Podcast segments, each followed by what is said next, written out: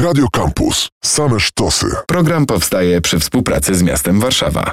Pierwsza część e, dzisiejszej stacji Warszawa odnosiła się bezpośrednio do roślin. E, gdybyśmy mieli przenieść jedną z tych poprzednich kilkunastu minut, która będzie naszej rozmowie przyświecała, to oczywiście byłby to żonkil. Dzisiaj 19 kwietnia, 79. rocznica wybuchu powstania w getcie warszawskim. W naszym studiu Piotrek Humel, historyk i przewodnik miejski. Cześć. Cześć. Będziemy z Piotrkiem e, szukali takich miejsc w Warszawie, które odwiedzone na przykład dzisiaj mogą nam e, przypomnieć, czy jakoś e, poświadczyć o obecności i historii warszawskich Żydów. Zaczynamy od takich, które upamiętniają powstanie i walki, czy od takich, które po prostu z życia codziennego zostały do dziś? Tak, to może zacznijmy od życia, tak? Ponieważ e, mm, na pewno musimy w tyle głowy pamiętać, że Warszawa sprzed II wojny światowej w jednej trzeciej była miastem e, Żydów i Żydówek, tak? Co trzeci warszawiak czy warszawianka byli obywatelami e, polskimi pochodzenia żydowskiego i była to bardzo duża część miasta, przede wszystkim tak zwanej dzielnicy północnej, okolic dzisiejszego Muronowa i jeszcze dalej na północ, zaczynając nawet od dzisiejszego szeroko pojętego centrum okolic placu, placu Grzybowskiego, aż po cmentarz żydowski po, przy Okopowej, gdzie mieszkała większość mieszkańców e, Żydów i Żydówek, e, zarówno tych bardziej zamożnych, ale przede wszystkim tych chyba nawet mniej zamożnych, tak? czyli tych, z którymi najczęściej kojarzymy tą społeczność, czyli sprzedawców na największych bazarach, Placu Muranowskim, czy, czy, czy, czy Kercelaku, czy Placu Żelaznej Żelaznej Bramy, sprzedawcach ulicznych, rzemieślnikach drobnych, e, którzy posługiwali się przede wszystkim e, językiem środkowoeuropejskich Żydów, czyli językiem jidysz, tak, e, religijnych Żydów, tych nieco mniej religijnych. Była to bardzo złożona społeczność. A drugą taką częścią Warszawy, i którą w odniesieniu do Twojego pytania można wspomnieć jak najbardziej, była Praga, ponieważ pierwsza w ogóle stała gmina żydowska powstała pod koniec XVIII wieku właśnie po po drugiej stronie Wisły, po na tak zwanej Szmulowiźnie, od Szmula Zbytkowera, y, zamożnego bankiera żydowskiego, który tam ufundował chociażby cmentarz na, na Brudnie, pierwszy z cmentarzy żydowskich w, w, dzisiejszym, w terenie dzisiejszej e, Warszawy. I tam powstała pierwsza gmina i Praga jest tą dzielnicą miasta, gdzie bardzo dużo nam tej przedwojennej zabudowy się zachowało, tak? Więc jak pójdziemy na ulicę Ząbkowską, na ulicę Targową, tamte okolice, to wszystko były, co druga z tych kamienic była żydowską kamienicą, y, albo w połowie zamieszkana przez Żydów, albo, albo przynajmniej mała żydowskich właścicieli. I zachowało się parę takich budynków, które y, bezpośrednio do tej społeczności były bardzo istotne, chociażby dawny budynek Mykwy, czyli łaźni rytualnej y, przy przy kinie Pracha, zaraz, e, zaraz obok, e, czy budynek dawnego domu akademickiego dla studentów żydowskich, również przy Sierakowskiego na, na, na właśnie Starej Pradze, czy budynek, gdzie dzisiaj przy Jagiellońskiej mieści się Teatr Baj dla dzieci, który był, który był szkołą i domem wychowawczym dla, dla uboższej ludności praskiej właśnie dzieci, więc na Pradze mamy bardzo, bardzo dużo tych pozostałości. Trochę też po naszej y, stronie Wisły, y, szczególnie właśnie w okolicach Placu Grzybowskiego, gdzie dzisiaj też współczesne życie warszawskich Żydów się toczy, gdzie mamy przede wszystkim jedyną zachowaną w Warszawie y, synagogę przedwojenną, czyli synagogę Nożyków właśnie w głębi przy Placu Grzybowskim przy ulicy Twardej, gdzie dzisiaj też jest to centrum, w którym jest również główna siedziba naczelnego rabina Polski e, e, Michaela Szodricha. Miejsca, o których moglibyśmy mówić, a które nie istnieją, to jest ta kategoria, która pewnie zajęłaby nam audycję albo więcej. Dzisiaj o nich nie mówimy, wracamy do tych, które zostały. Majaczy mi też e, w głowie ulica Waliców i kamienice tamtejsze.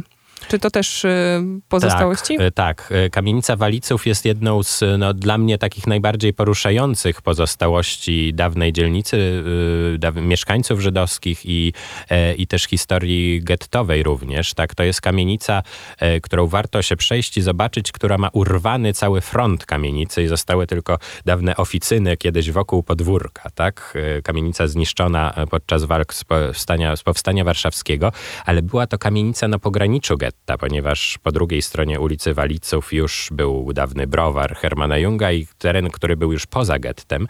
Była to kamienica, w której też mieszkał e, Mieczysław e, Szlengel, tak, jeden z najważniejszych po poetów e, gettowych, który pisał poezję właśnie w getcie i pisał też teksty dla najlepszych twórców gettowych, Wiery Gran, czy do jego tekstów akompaniował Władysław Szpilman, tak, wybitna postać, który napisał też jeden z poematów, który on mówił o tak zwanym oknem, oknie na drugą stronę, ponieważ z okna tej kamienicy było widać to, co się działo po drugiej stronie getta, tak? Więc, e, więc on też niesamowity sposób opisywał właśnie tą codzienność getta, tak? To życie codzienne i jak ludzie się przystosowują do tego życia w getcie, jak próbują zostać w ogóle ludźmi w tym, w tym tak otoczeniu terroru.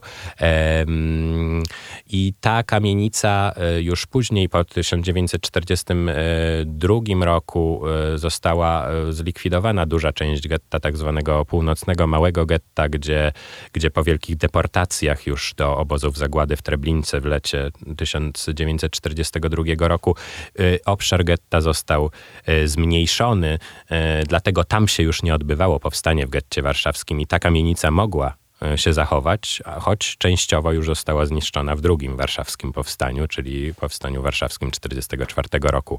I jest to taki, e, taki pomnik rzeczywiście e, niezwykle poruszający. Była akcja zresztą parę lat temu o to, o to żeby zachować ten, tego właśnie świadka historii. Pojawiają się kamienice po obu stronach Wisły. Cmentarze też w twojej opowieści zagościły. Myślę o tym, na co napotykamy się najczęściej, przechadzając się po Śródmieściu i Woli, czyli te wytyczone, upamiętnione w nawierzchni granice muru getta. Coś jeszcze do hasła mur możemy dołączyć? Tak, przede wszystkim są to ten obwód dawnego muru getta, który możemy zobaczyć na, e, na chodnikach. Muru getta, który był murem e, wybudowanym pod koniec 1940 roku, kiedy ostatecznie e, Żydzi zostali zamknięci w dzielnicy zamkniętej, która, dzielnicy żydowskiej, która pokrywała się z tą największą przedwojenną też populacją żydowską i samymi rękami Żydów gettowych, tak, e, te mury zostały wzniesione, tak, oczywiście Niemcy ich do tego, e, do tego e, zmusili. Te, te mury w większości przestały istnieć, później zniszczone już podczas powstania w getcie, później roze, ich resztki zostały rozebrane po wojnie. Oczywiście każda cegła była wykorzystywana po wojnie do, do budowy i w jakiś następny sposób wykorzystywana, ale jest parę punktów w mieście, gdzie ten mur jeszcze się zachował, tak? To znaczy jest pewnie takie najsłynniejsze miejsce kojarzone z murem w getcie to jest mur między ulicą y, Złotą a y, Sienną, tak, gdzie, gdzie w podwórku pomiędzy kamienicami można wejść do podwórka i zobaczyć takie dwa fragmenty tego muru. Jeden z tych fragmentów jest właściwie murem, a drugi jest właściwie takim murkiem, który kiedyś dzielił podwórka, ponieważ w pierwszej idei Niemców tak, te, te mury pochodziły jeszcze pomiędzy e, pomiędzy posesjami dzieliły posesje, że więc tak, więc ty, tyłami podwórek jedna kamienica była w getcie, a z drugiej strony już e, drugie tyły podwórka kamienicy były poza gettem, więc tam możemy zobaczyć pozostałość tego typu właśnie e, murów. Z czasem Niemcy zorientowali się, że tego typu mury, które były w granicach posesji są bardzo trudne do pilnowania, tak, tam cały szmugiel miał miejsce, zarówno jeżeli chodzi o, o, o jedzenie, czy o, o dzieci, ludzi, którzy, którzy teren getta opuszczali, czy wchodzili nie, nielegalnie, mm, e, nie, niezauważeni przez, e, przez Niemców, więc później te, te granice getta zostały nieco zmienione i mury przede wszystkim przechodziły przez środek ulicy, tak żeby można było je lepiej kontrolować. I są jeszcze inne miejsca pozostałości murów, między innymi naprzeciwko właśnie kamienicy Przywaliców. Jest to dawny mur browaru, który w tym również był po prostu murem getta e, jako mur budynku. I są pozostałości e, muru e, na tyłach, na tyłach ulicy Stawki w okolicach Umszlak-Placu, tak, czyli tej stacji, z której Żydzi w 1942 roku warszawscy zostali wywiezieni w pociągach do obozu zagłady w Treblince, tak, na tyłach dawnej szkoły. Tam też pozostałości muru się zachowały. Piotrek Humal, historyk, przewodnik miejski gości w stacji Warszawa. Można by powiedzieć, gdyby nie to, że jednak siedzimy w studiu, że wędrujemy dzisiaj po Warszawie przynajmniej słowem. Odwiedzamy takie miejsca, które przypominają nam o historii i obecności e, warszawskich Żydów. Nie pojawiło się jeszcze chyba najbardziej kluczowe e, miejsce w twojej opowieści, czyli Umszlagplatz. Tak, e, trochę nawiązałem już do tego miejsca, mówiąc o pozostałości muru, którego właściwie jest jeszcze w żaden sposób nieupamiętniony na tyłach właśnie umszlak placu muru gettowego, ale wszystko na to wskazuje, że to musiał być mur getta. Lokalizacja też na to i wysokość muru na to wskazuje. A Umschlagplatz y, to była y, jeszcze mm, przedwojenna, tak y, po prostu bocznica kolejowa, czy miejsce mm, zaopatrzenia różnego rodzaju bocznej kolei, która później dojeżdżała do kolei dzisiaj, dzisiaj kojarzonej z dworcem gdańskim, tej kolei obwodowej na północy, na północy miasta. E, I e, podczas funkcjonowania getta e, ta stacja też była stacją, gdzie mm, dostawy dla getta były do, dostarczane, przede wszystkim jedzenie, tak, ale to, to, to te dostawy niemieckie e, zapewniały jedynie 20% konsumowanego jedzenia w getty. Cała reszta musiała być e, szmuglowana tak naprawdę. No ale później ta bocznica już w 1942 roku, po tym jak zdecydowana Mm, w, wśród liderów NSDAP, tak, partii nazistowskiej została tak zwane ostateczne rozwiązanie kwestii żydowskiej, które mm, oznaczało wymordowanie po prostu europejskich, europejskich Żydów w zamierzeniach niemieckich.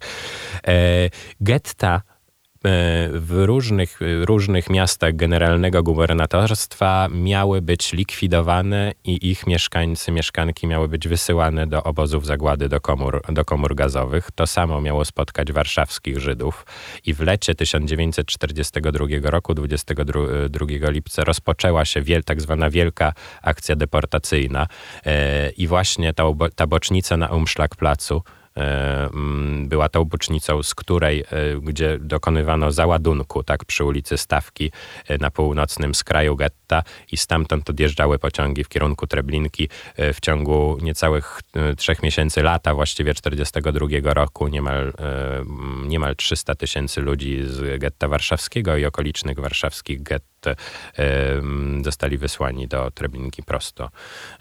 Prosto na śmierć pierwsi, ci, którzy trafiali na, na Umschlagplatz, czyli właśnie ten plac, który y, właściwie ta przestrzeń pomiędzy dwoma jedynymi budynkami gettowymi zapchowanymi właściwie w tej okolicy, tak, czyli budynkiem dzisiejszej psychologii chociażby Uniwersytetu Warszawskiego, gdzie, który był komendanturą SS, tak, która kontrolowała getto i szkoły po drugiej stronie. E, w tej przestrzeni pomiędzy tymi budynkami e, gromadzono mm, Żydów, e, którzy następnie mm, trafiali do, e, do pociągów. Na początku ludzie nie wiedzieli tak naprawdę, gdzie będą, gdzie będą te pociągi zmierzały i co jest nie, niezwykle uderzające, tak część osób przychodziła tam dobrowolnie, ponieważ plakaty w getcie mówiły o deportacjach na wschód. Ludzie podejrzewali, że być może do jakichś obozów pracy jakieś, myśleli, że pewnie nie może być nic gorszego niż obecnie, obecnie getto. E, Niemcy mówili, że dostaną dodatkową porcję chleba, jakiegoś jedzenia. E, dopiero po paru tygodniach pierwsi ci, którzy, e, którym udało się uciec z tych transportów, czy nawet z samej Treblinki, wrócili do getta i rozpuścili tą wiadomość, tak naprawdę jaka była ostateczna, ostateczny cel tych pociągów i od tego czasu rozpoczął się terror i przymusowe gromadzenie ludzi w tej, w tej przestrzeni, a dzisiaj tam przy ulicy Stawki mamy upamiętnienie właśnie Umszlagplacu z końca lat 80., e, e, tuż przed e, transformacją autorstwa polskich Żydów Hanny Schlan-Malenberg i Władysława Klamerusa, tak, którzy projektowali też upamiętnienia masowych grobów chociażby na cmentarzu żydowskim przy Okopowej w, Warszawie. Jest to też bardzo uderzający pomnik, gdzie na szczycie jak wchodzimy widzimy połamane drzewa trochę w takim e, zwieńczeniu łukowatym nawiązującej do macewy, tak, czyli tradycyjnego żydowskiego nagrobka kamiennego.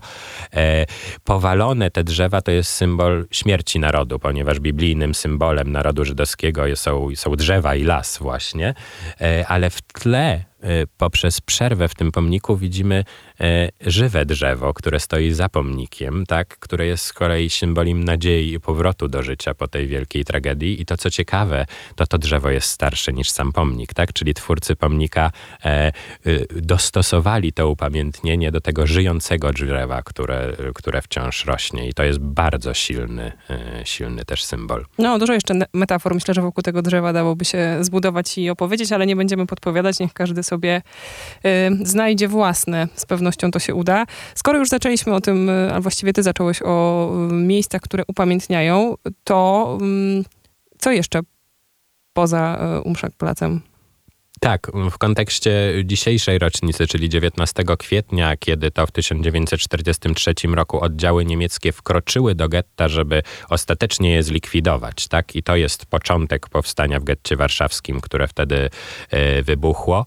E, wtedy to już e, w getcie warszawskim od paru miesięcy formowało się coraz mocniej żydowskie podziemie. Tak? I różne organizacje, Żydowski Związek Wojskowy, ta bardziej prawicowa, zgrupowana wokół przedwojennego Bejta, Taru, takiej bardziej tradycjonalistycznej właśnie prawicowej partii, partii żydowskiej Podziemie e, i ta bardziej słynna organizacja podziemna, czyli żydowska organizacja bojowa z e, Mordechaniem Anielewiczem, Cywią Lubetkin, e, oczywiście Markiem Edelmanem, tymi postaciami, o których najczęściej mówimy w kontekście powstania w getcie warszawskim i w ogóle bojowców podziemia gettowego.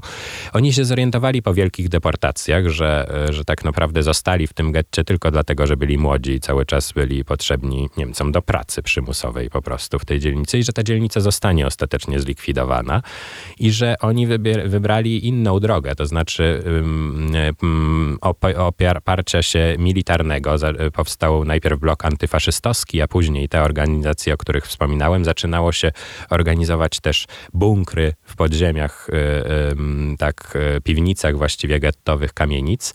E, I jak rozpoczęło się powstanie to było powstanie przede wszystkim właściwie tych paruset, czy ponad może tysiące, nawet trudno jest powiedzieć ile, jak bojowców i bojowczyń, ponieważ kobiety bardzo ważną rolę też jako bojowczynie e, w getcie e, pełniły.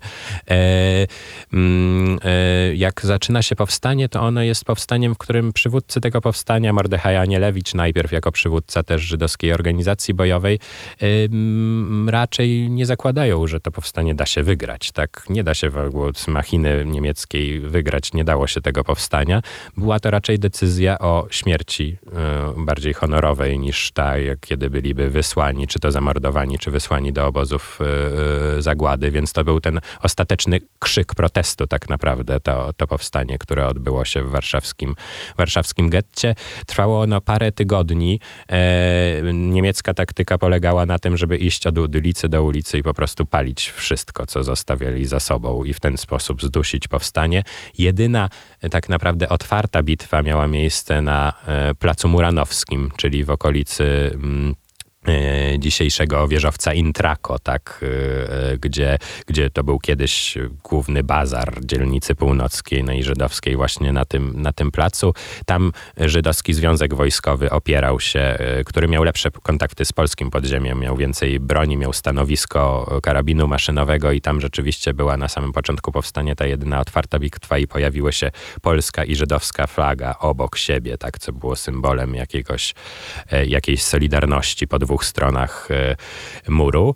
E, no a reszta walki w getcie to była walka przede wszystkim partyzancka, tak? Właśnie chowanie się w bunkrach, e, zaskakiwanie Niemców od czasu do czasu i taka najsłynniejsza bitwa, takie wydarzenie gettowe już związane z końcem powstania, to było 8 maja, kiedy przy dzisiejszej ulicy Miłej i Dubois, skrzyżowaniu tych ulic, które już nie mają wiele wspólnego z tym, jak te ulice przebiegały przed wojną, e, znajdował się główny bunkier żydowskiej organizacji bojowej, gdzie 8 e, maja 1943 roku niemieckie oddziały otoczyły bojowców, którzy znajdowali się w piwnicach i ludność cywilną również, która się w tych piwnicach znajdowała. Ludność cywilna się poddała. Mordechaj Anielewicz z ponad setką e, bojowców, którzy się znajdowali w piwnicach, odmówili tego i popełnili zbiorowe samobójstwo e, właśnie przy ulicy, y, y, przy ulicy Miłej w bunkrze, który nazywa się do dzisiaj bunkrem Anielewicza, tak, gdzie, gdzie dzisiaj mamy upamiętnienie, e, usypaną górkę, tak, która jest górką z gruzów e, tego domu, który się tam właśnie znajdował i upamiętnienie jeszcze z lat 40. tuż powojenne, a na dole upamiętnienie nowsze już z lat 2000, gdzie mamy wypisane wszystkie imiona i nazwiska osób, o których wiemy, że tam się wtedy e, znajdowały. Tak więc to jest ta jedna z tych najbardziej dramatycznych historii gettowych i ta, którą w miejscu pamięci oczywiście możemy zobaczyć. E, no i te upamiętnienia, których najwięcej mamy e, i w przed którymi będą się odbywały również dzisiaj, dzisiejsze uroczystości, tak e, główna uroczystość o, o 12 zawsze się e, odbywająca, przed dzisiejszym muze budynkiem Muzeum Polin Historii Żydów Polskich, e, pomnik bohaterów bohaterów getta, tak? Gdzie, e, gdzie od frontu, od strony właśnie muzeum mamy przedstawionych bojowców w płomieniach, tak? E, wspominających tą historię gettową, ale bardzo warto też zajrzeć zawsze na tył tego pomnika, gdzie mamy przedstawiony pochód Żydów i Żydówek idących na Umszlakplac w założeniu um, E, projektanta e, pomnika chodziło o to, żeby przedstawić, tak naprawdę jego pierwszym pomysłem było Natana Rapaporta, było to, żeby przedstawić te przedstawienia obok siebie, żeby nie zrobić wrażenia tego, że ci, którzy walczyli w jakiś sposób, ich ofiara była ważniejsza od tych, którzy zostali zamordowani wcześniej, tak? E, ale jednak w tym rycie takim bardzo mi, mitoligolizującym oporu antyniemieckiego, no wiadomo, że ta walka była przedstawiona na froncie wtedy, kiedy ten pomnik powstał, czyli to to był rok 48, tak już tuż po, tuż po wojnie, jeszcze w gruzach getta, kiedy ten, ten pomnik właśnie tam stanął i do dzisiaj tam odbywają się główne e, uroczystości. Jesteśmy już bardzo blisko naszego limitu czasowego, dlatego żałuję, że nie zdążymy wspomnieć o takich y, współczesnych instalacjach, pracach odnoszących się do historii, więc podaję tylko hasło Dom Kereta i jeszcze chciałam wam y, przypomnieć albo poinformować o dosyć chyba nowej instalacji, takiej szklano-betonowej na Muranowie w miejscu, gdzie odnaleziono archiwum Ringelbluma. Coś jeszcze dorzucasz do kategorii współczesne, mm, artystyczne? Tak, klat, kładka nad chłodną, łącząca tak kiedyś małe i duże getto która też jest taką instalacją w miejscu tej kładki, która pokazuje mniej więcej jej przebieg. Tak, no i powstające też murale, chociażby na Muranowie. Warto się po muranowskich podwórkach tak przejść. Murale odnoszące się też do, i do Korczaka, Stefanii Wilczyńskiej, i no dzieci no tak, sierocińca e, i, i wielu mhm. postaci tam z tamtych okolic przy ulicy Leszno, przy, w podwórkach od Jana Pawła, tak więc warto się pokręcić, zobaczyć tamtejsze też E, murale odnoszące się do no, i przedgettowych historii i już historii okupacyjnych. E, no i przede wszystkim dzisiaj warto szukać wolontariuszy i przypinać e, papierowe żonkile, żonkile, które były ulubionymi kwiatami Marka Edelmana, tak, czyli ostatniego przywódcy powstania w getcie warszawskim, który składał te żonkile też po wojnie, właśnie, żeby uhonorować wszelkie, wszelkie ofiary. Tak, Marek Edelman cudowna postać, zarówno walczący w, w powstanie w getcie, później w powstaniu warszawskim, a później lekarz e, całą swoją karierę powojenną e, i do końca życia mieszkający tutaj w Polsce i pochowany w 2009 roku na e, warszawskim cmentarzu żydowskim. Piotrek Hummel, bardzo dziękujemy za te wszystkie opowieści i historyczne, i takie typowo miejskie. Piotrek jest i historykiem, i przewodnikiem miejskim. Znajdziecie go i w Muzeum Kamienicy, i w Wawstepie, i pewnie jeszcze kiedyś, mam nadzieję, w którymś odcinku Stacji Warszawa. Dziękuję bardzo. Dziękuję bardzo. Tak, też się postaram. Program powstaje przy współpracy z miastem Warszawa. Same sztosy.